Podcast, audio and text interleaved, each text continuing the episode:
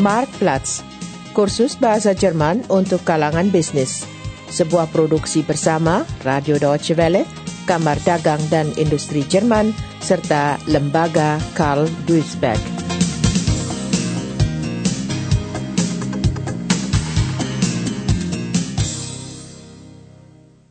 Episode 26 Budaya Perusahaan Waktu istirahat makan siang di kantin sebenarnya kesempatan untuk sejenak melupakan masalah pekerjaan. Tetapi Werner dari bagian reklamasi tetap mendongkol. Penyebabnya adalah atasannya.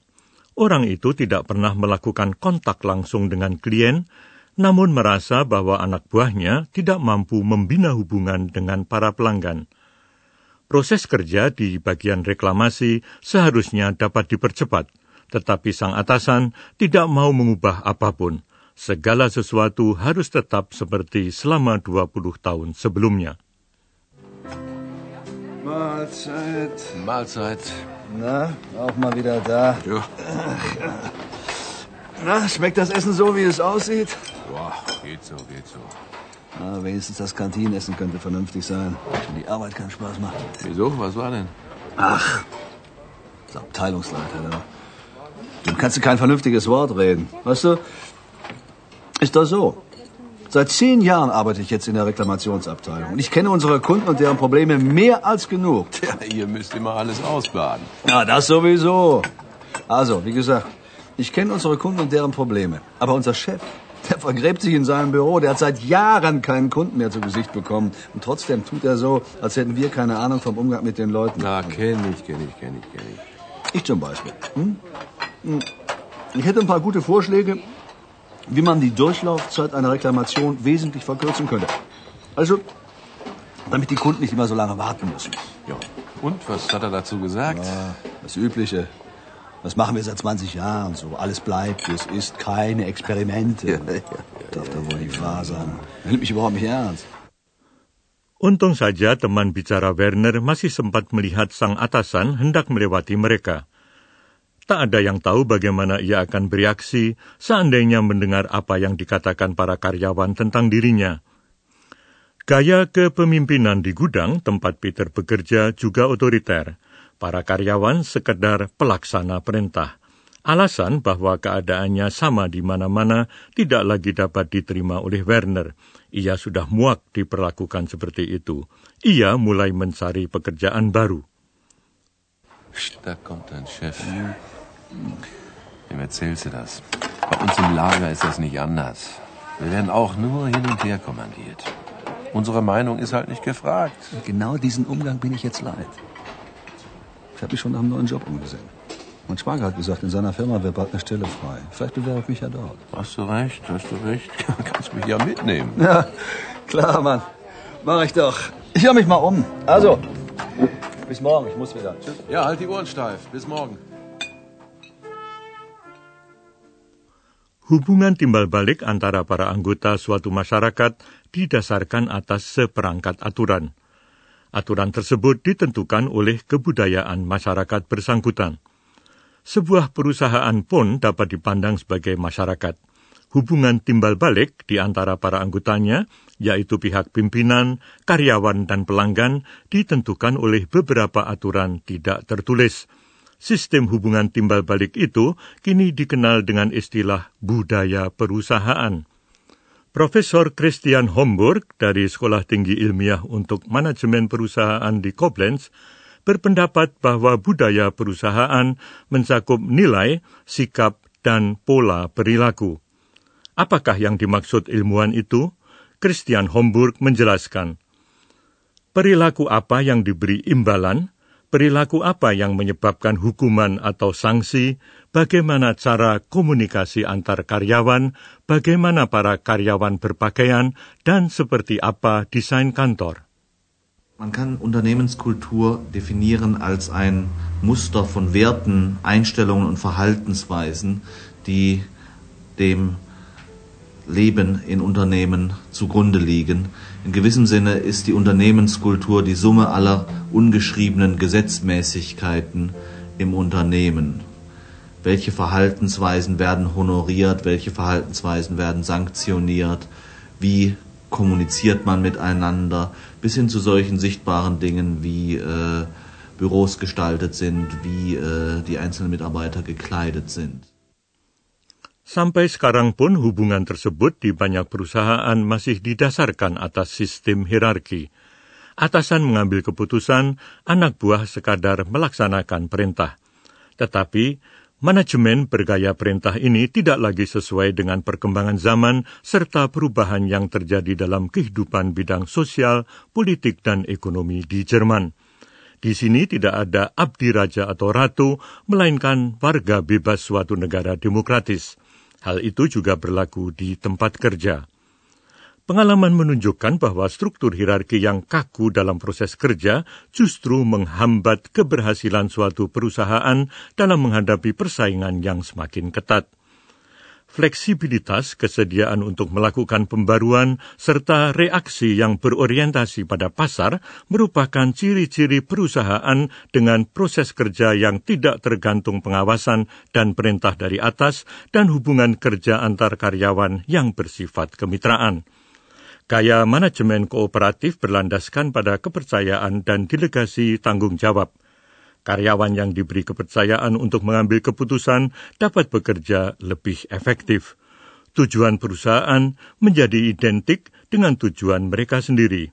Namun, Profesor Homburg mengingatkan bahwa perubahan budaya perusahaan merupakan proses yang memakan waktu beberapa tahun. Man muss hierzu natürlich ergänzend sagen, dass es keine Dinge sind, mit denen man kurzfristig den Erfolg steuert. Denn äh, kurzfristig erfolgsfördernde Maßnahmen können oft mittelfristig Probleme mit sich bringen. Das Verändern einer Unternehmenskultur ist ein Prozess, der über mehrere Jahre hinweg sich vollzieht. Und insofern kann Management der Unternehmenskultur immer nur langfristige Erfolgsauswirkungen haben. Unternehmen, die kurzfristige Probleme zu lösen haben, müssen auf operativere Instrumente zurückgreifen. Langfristig ist Unternehmenskultur mit Sicherheit ein Erfolgsfaktor. Dalam jangka panjang, budaya perusahaan merupakan faktor penentu keberhasilan. Demikian ditandaskan oleh Profesor Christian Homburg.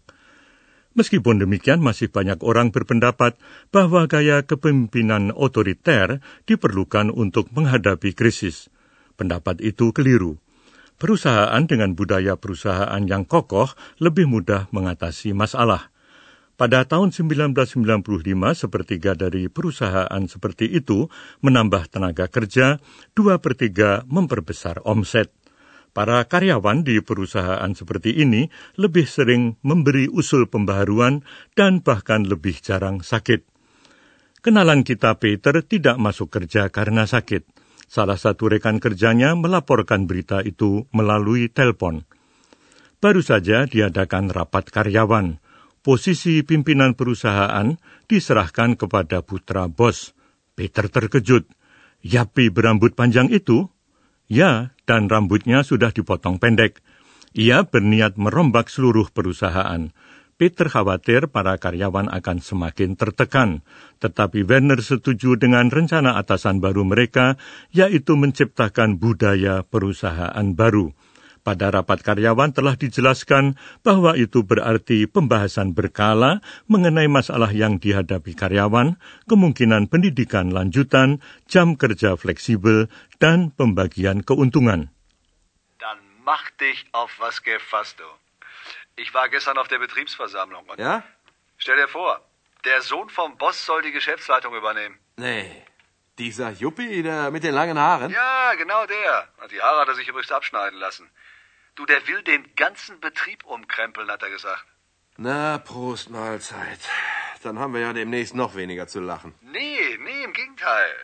Das hört sich alles ganz gut an, was er da auf der Versammlung erzählt hat. Wieso? Er meint, das Unternehmen bräuchte, naja, ja, wird das genannt? Äh, genau, eine neue Unternehmenskultur bräuchten wir. Unternehmenskultur? Das habe ich ja noch nie gehört. Na, ich habe es auch erst nicht verstanden, aber er hat es dann erklärt. Also pass mal auf. Wir alle, hat er gesagt, wir sollten mehr beteiligt werden. Äh. Zum Beispiel soll jede Abteilung Gruppen bilden, in denen dann jede Woche Probleme, organisatorisches und was so anliegt, was besprochen werden kann. Und dann, dann sollen wir auch Vorschläge machen können, was unseren Arbeitsplatz betrifft. Oder wenn einer von uns eine Idee hat, wie der Arbeitsablauf besser klappen könnte. Ah ja. Und du, der neue Chef, der will die Weiterbildung fördern. Und wer Zusatzqualifikationen erwirbt, der bekommt auch mehr Gehalt. Und außerdem sollen flexible Arbeitszeiten eingeführt werden. Ah, das klingt ja gar nicht so verkehrt. Da könnte ich ja morgens die Kinder in die Schule bringen. Claudia wäre sicher froh. Und das ist noch nicht alles, du. Es soll außerdem eine Gewinnbeteiligung geben. Wir alle können zu stillen Gesellschaftern der Firma werden. Ah ja, und wenn ein Problem auftritt, kann jeder Mitarbeiter jederzeit mit dem Chef sprechen. Tja. Du, den Rest erzähle ich dir dann am Montag beim Mittagessen, ja? Perusahaan Erko yang berkedudukan di Lüdenscheid merupakan pelopor dalam hal budaya perusahaan di Jerman. Sejak tahun 1936, perusahaan tersebut memproduksi segala jenis lampu, mulai dari lampu meja yang sederhana sampai lampu kristal yang mewah dan eksklusif. Museum Louvre di Paris dan bank-bank di Hong Kong termasuk dalam daftar pelanggan Erko. Perusahaan tersebut sudah beberapa kali memperoleh penghargaan atas desain inovatif produk-produknya. Keberhasilan Erko berawal pada akhir tahun 60-an. Pimpinan perusahaan yang baru ketika itu, Klaus Jürgen Mark, memikirkan semboyan baru untuk perusahaan. Kita tidak menjual lampu, tetapi cahaya. Sejalan dengan semboyan itu, seluruh perusahaan menjalani reorganisasi bertahap. Waktu itu, belum digunakan istilah budaya perusahaan. Klaus Jürgen Mark mengenang. Ich glaube, dass wir gar nicht bewusst Unternehmenskultur eingeführt haben, sondern wir haben uns in einer gewissen Form verhalten. Wir haben uns Zielsetzungen gehabt und zum Schluss haben uns Leute erzählt, das ist Unternehmenskultur. Ja, also vielleicht haben wir es uns selbst erfunden, ohne zu wissen, was wir da eigentlich taten. Pada pembangunan gedung kantor yang baru, para arsitek sengaja berusaha mewujudkan prinsip-prinsip budaya perusahaan yang baru. Semua ruang terang benderang, banyak dinding terbuat dari kaca. Ruang kerja Klaus Jürgen Mark pun hanya dipisahkan dinding kaca dari ruang sekretaris. Tujuan dari pemecahan arsitektural yang unik itu adalah keterbukaan dan peluang kontak yang tak terputus. Arus tamu tanpa henti sudah menjadi hal yang biasa di perusahaan Erko. Para arsitek Perancang, mahasiswa, wakil perusahaan konstruksi, dan ahli penerangan berdatangan ke Ludenscheid untuk melihat gedung kantor Erko untuk mengamati teknologi produksi dan cara kerja bagian desain dan bahkan untuk mempelajari rencana penghijauan areal perusahaan. Banyak yang dapat diperlihatkan Erko, tetapi kebanggaan terbesar adalah para karyawan yang berkualifikasi tinggi manajemen perusahaan memandang mereka sebagai modal utama dan tidak segan-segan menyediakan anggaran untuk pendidikan dan pelatihan lanjutan. Pelaksanaan budaya perusahaan menuntut usaha yang tidak kecil dari semua pihak yang terlibat, mulai dari tenaga kebersihan sampai pimpinan perusahaan. Kadang-kadang, tidak mudah bagi para pimpinan untuk melepaskan kekuasaan dan mengalihkan tanggung jawab kepada orang lain para karyawan biasa sering kali belum siap mengembangkan inisiatif dan mengambil keputusan secara mandiri. Hasil dari proses perubahan tidak melulu baik. Rangsangan untuk menumbuhkan jiwa kewirausahaan juga berarti peningkatan tuntutan dan tidak semua orang mampu mengatasi hal ini. Demikian ditegaskan oleh Profesor Christian Homburg.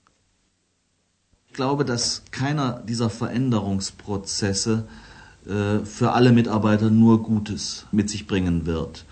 Wenn man beispielsweise mehr Unternehmertum im Unternehmen fördern möchte, dann möchte man auch mehr fordern. Es wird immer Mitarbeiter geben, die diese Veränderungsprozesse bewältigen. Und es wird, das muss man ganz klar sehen, auch immer Mitarbeiter geben, die diese Veränderungsprozesse nicht bewältigen. Denn es wird nicht nur Gewinner geben bei diesem Prozess. Kenalan kita Peter dan Werner merasa puas dengan perombakan perusahaan. Pada pesta perusahaan hari ini, mereka bahkan tertawa ketika teringat bahwa mereka nyaris minta berhenti dua tahun yang lalu. Tetapi kepala bagian mereka mengundurkan diri. Ia tidak menyukai pembaruan yang dilakukan dan juga tidak bersedia mempelajari profesi baru. Senantiasa menambah pengetahuan memang bukan hal yang mudah, kata Peter penuh pengertian. Ia sendiri agak gentar menghadapi kursus komputer yang harus diikutinya meskipun ia gembira karena memperoleh kenaikan gaji. Ia juga senang karena berkat pengetahuan yang baru itu, ia akan dapat berbincang-bincang mengenai komputer dengan anak-anaknya. Wibawanya dalam keluarga tentu akan meningkat sehingga kesempatan bersulang berikutnya ditujukan pada budaya perusahaan dan anak-anak. Hallo. Oh, auch hier. Na, schöne Betriebsfeier, was? Ja, wurde doch mal wieder Zeit. Ja. ja, vor zwei Jahren haben wir noch in der Kantine gesessen und gejammert. Du wolltest sogar kündigen, weißt du. Ja, ja, ist schon lange her. Hat sich auch viel getan in der Zwischenzeit. Hast du schon gehört? Dein Abteilungsleiter? Hat gekündigt, ich weiß. Naja, diese ganze neue Struktur im Unternehmen, das hat ihm nicht gepasst. Das war alles zu viel für ihn. Jetzt noch umlernen. Ist ja auch nicht einfach. Ich muss jetzt auch einen Computerkurs machen. Weißt du, damit ich bei der Neuorganisation im Lager künftig mit dem Rechner arbeiten kann. Kosten übernimmt die Firma. Frei bekomme ich dafür auch, ja, ja. Aber ich so ein Gerät noch nie angefasst. Bin mal gespannt, ob ich damit zurechtkomme. Wenn alles klappt, dann rutsche ich sogar eine Gehaltsstufe höher. Und außerdem kann ich dann endlich mit meinen Kindern mitreden, wenn die mal wieder über Bits und Bytes philosophieren. Ja, das kannst du mir ja dann auch mal erklären. Ne? Klar. Du, wo du gerade dabei bist mit den Kindern. Du, die Sache mit den flexiblen Arbeitszeiten ist wirklich gut. Ich komme jetzt auch mal was früher nach Hause und die Kinder sehe ich dann viel öfter. Ja, das war doch richtig, dass wir nicht gekündigt haben. Meine ich auch. Also, auf die, auf die Unternehmenskultur. Naja, sagen wir lieber auf unsere Kinder. Prost.